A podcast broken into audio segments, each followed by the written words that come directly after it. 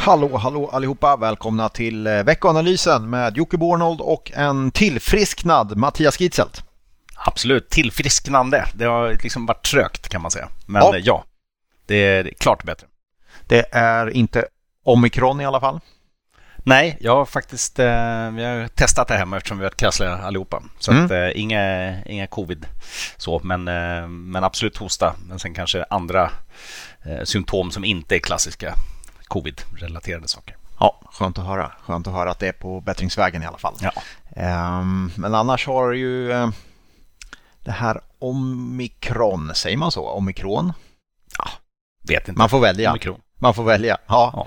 Stökat till en hel del i alla fall. Uh, beroende på hur man ser det.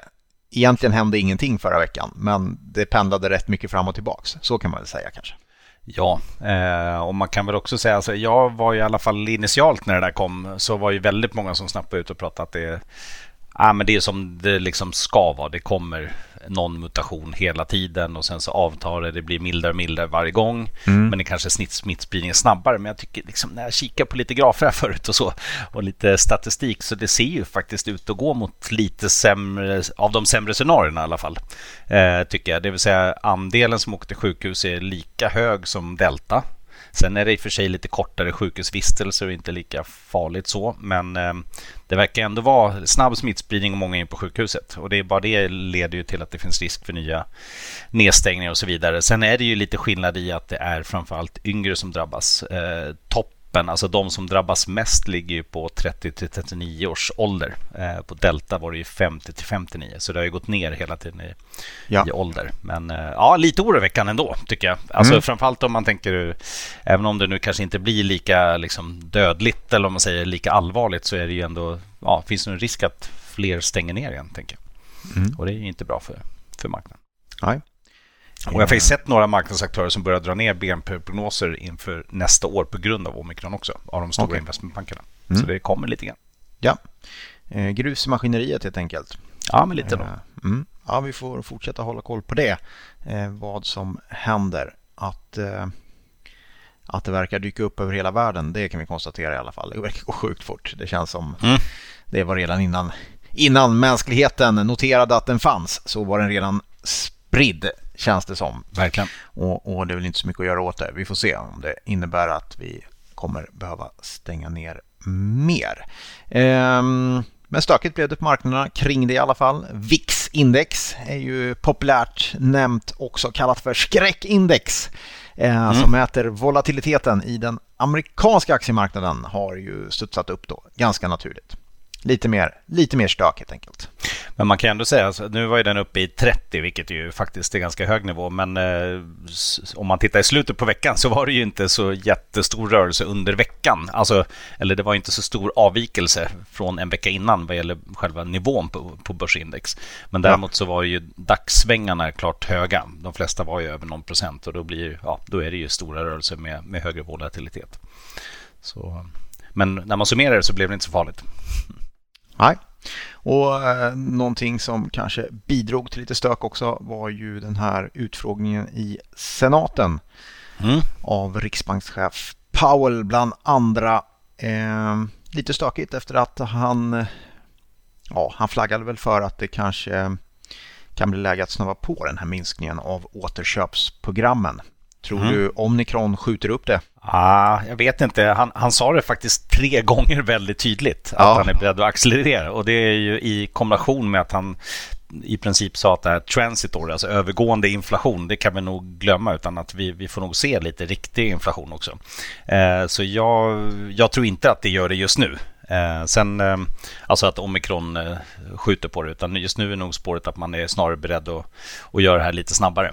Men eh, ja, vi får se. Det är ingen som vet naturligtvis riktigt. Men eh, initialt så föll aktiemarknaden på det och eh, det, det, är väl rimligt. Alla vill ju att eh, stimulansen är kvar så länge det går naturligtvis. Mm. Vi lyckades få en eh, ny eh, statsminister till slut också. Magdalena Andersson blev eh, vald igen kan man säga då. Och eh, första kvinnan på den posten i Sverige. Och eh, ja, stora rubriker, men som vi pratat om tidigare, nej, för aktie och finansmarknaden ganska ointressant. Vad tror du Damberg gör någon skillnad mellan Magdalena Anderssons politik som finansminister? Ah, eh, inte jättestor, det tror jag inte. Tror inte jag heller. Jag tror inte det är någon skillnad överhuvudtaget egentligen. Nej. Utan väldigt status quo. Eh, och det är väl skönt och det är väl också marknadens mottagande ett tecken på att det blev ingen, ingen kioskvältare där direkt. Så eh, man får gratulera till Magdalena och så får vi se om hon blir får sitta längre än de tio månader som är kvar till nästa val. Skulle nästa val, eh, är det tio månader? Ja, det är nog tio månader. Du, eh, skulle nästa val kunna bli någonting som faktiskt får marknaden att agera? Tror du det? Det, det känns Nej. ju som att eh, finansmarknaden helt släppt eh, svensk ja. politik. Skulle ett val kunna bli det? Eller vad krävs för att det skulle kunna bli stökigt på, på ja, men alltså marknaden? Historiskt historiskt de tillfällen när det har varit lite, alltså väldigt osäkert eller när det är regeringsskifte eller när det, ja, när det är väldigt osäkert helt enkelt efter ett val vad det blir eller att det går åt något visst håll. Så har man ju sett rörelser på framförallt valuta och räntemarknaden. Kronan har kanske försvagats och räntorna går upp och så vidare. Men det är ju ofta så har ju de varit under, liksom, vi pratar några timmar. Eh, sen så har andra händelser tagit över och liksom globala marknader eh, verkligen haft en större påverkan. Och på börsen, där har man ju inte alls sett de effekterna eh, på kort sikt. Det var ju liksom, vi pratar kanske 70, 80, 90-talet när det inte var så globaliserade börsbolag. Då hade man de effekterna, men nu, nu har vi inte det. Så att, eh, det är verkligen inte. Du, eh, ska vi hoppa in lite på makrostatistik? Ehm, på makrofronten så var förstås Powell intressant, men vi hade också tysk inflation med en svag doft av Zimbabwe som kom in på 6% Det är ju inte varje dag man ser tysk inflation på 6 Nej, det är tufft och det är över förväntningarna på 5,5 procent och det kom också preliminär inflation i eurozonen som helhet faktiskt. Steg till 4,9, väntat 4,5 och förra gången så var det 4,1. Eh, och där ligger ju energipriser och utbudsstörningar bakom precis som tidigare. Så att, eh, ja, det, det finns inflation men det är mycket baseffekter och ECBs ledamöter har också varit ute och kommunicerat och sagt det här att eh, redan i eh, början på nästa år så kommer det här lätta så sen är ju frågan hur mycket ska det ner från de här kring 5 procenten? Det kanske inte ska tillbaka till liksom noll som vi hade innan uppgången utan vi, vi kanske landar på två drygt. Mm. Vi får se. Spännande är det i alla fall. Vad kom det in mer? Kinesiskt PMI kom in.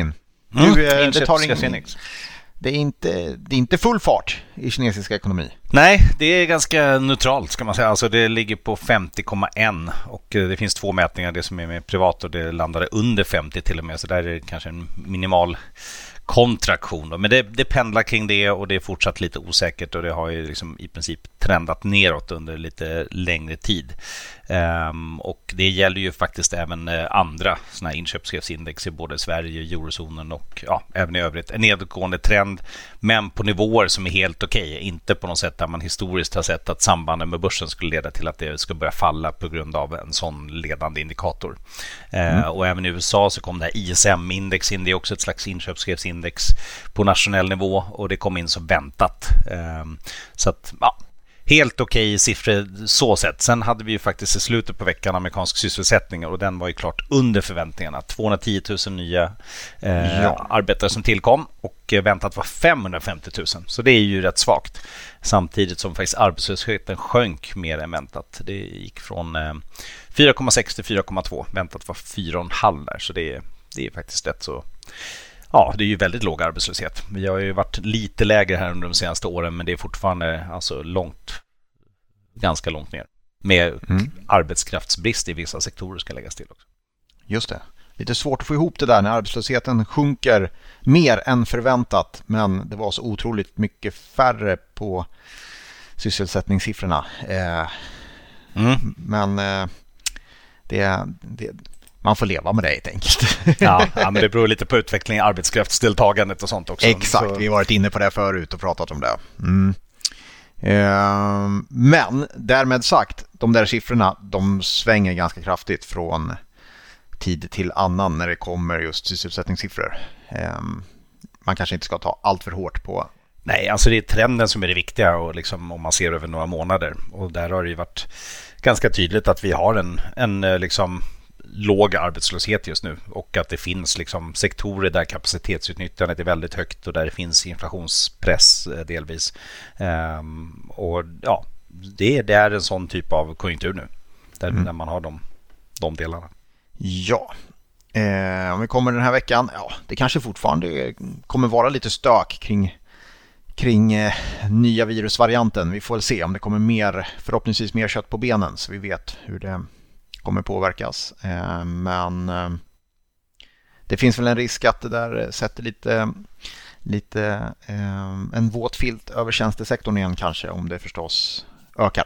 Ja, precis. Det var ju förra veckan så föreslog väl Folkhälsomyndigheten nya, eh, nya restriktioner. Eh, och nu har inte jag sett, men det har väl inte kommit några beslut kring dem.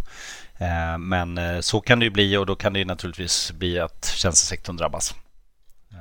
Eh, och även globalt självklart så kan det bli ny press på leveranskedjor, ny, ja, till viss del ny, ny brist på arbetskraft och så vidare. Det, vi får se vad det landar i, men trenden är ju inte bra. Det, vi har ju en kraftigt stigande smittspridning i framförallt skulle jag säga i eurozonen ser man ju det ordentligt. I, eh, kanske inte så mycket i Sverige än, men, men i, i andra länder är det jättemycket. Eh, medan USA är kanske lite lugnare ännu.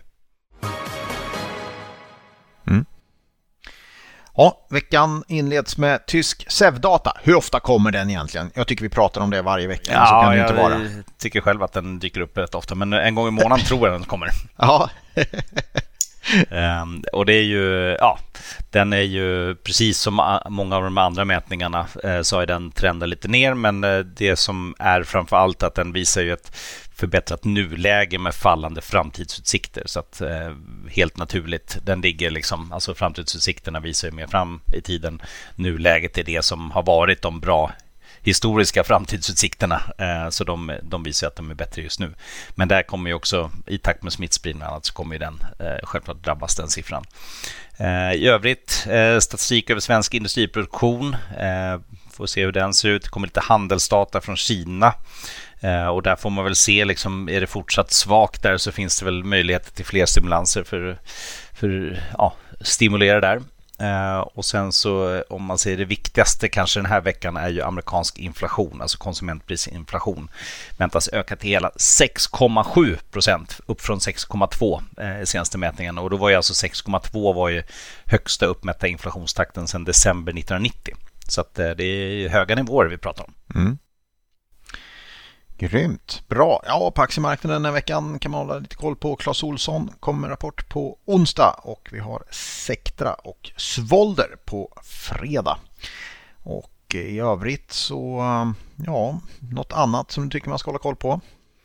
Ja, men jag hoppas väl om det här lugnar ner sig lite på marknaden att volatiliteten också kommer ner igen. Det är ganska höga siffror. Man vill inte ha de här svängningarna riktigt, eh, utan jag tror att säsongsmässigt brukar det vara ett bra avslut på, på året. Jag hoppas väl att ett år som det här när det är bra momentum i börsen att vi kan avsluta det ganska, ganska bra också. Eh, I övrigt om man kan fokusera på mer förra veckan så, så var det ju så att långa räntor börjar komma ner en del. Så nog finns det lite förväntningar om att tillväxttakten mattas av. Men däremot så korta räntor har ju snarare, snarare stigit förra veckan på grund av bland annat Powell-kommentarerna. Då, så.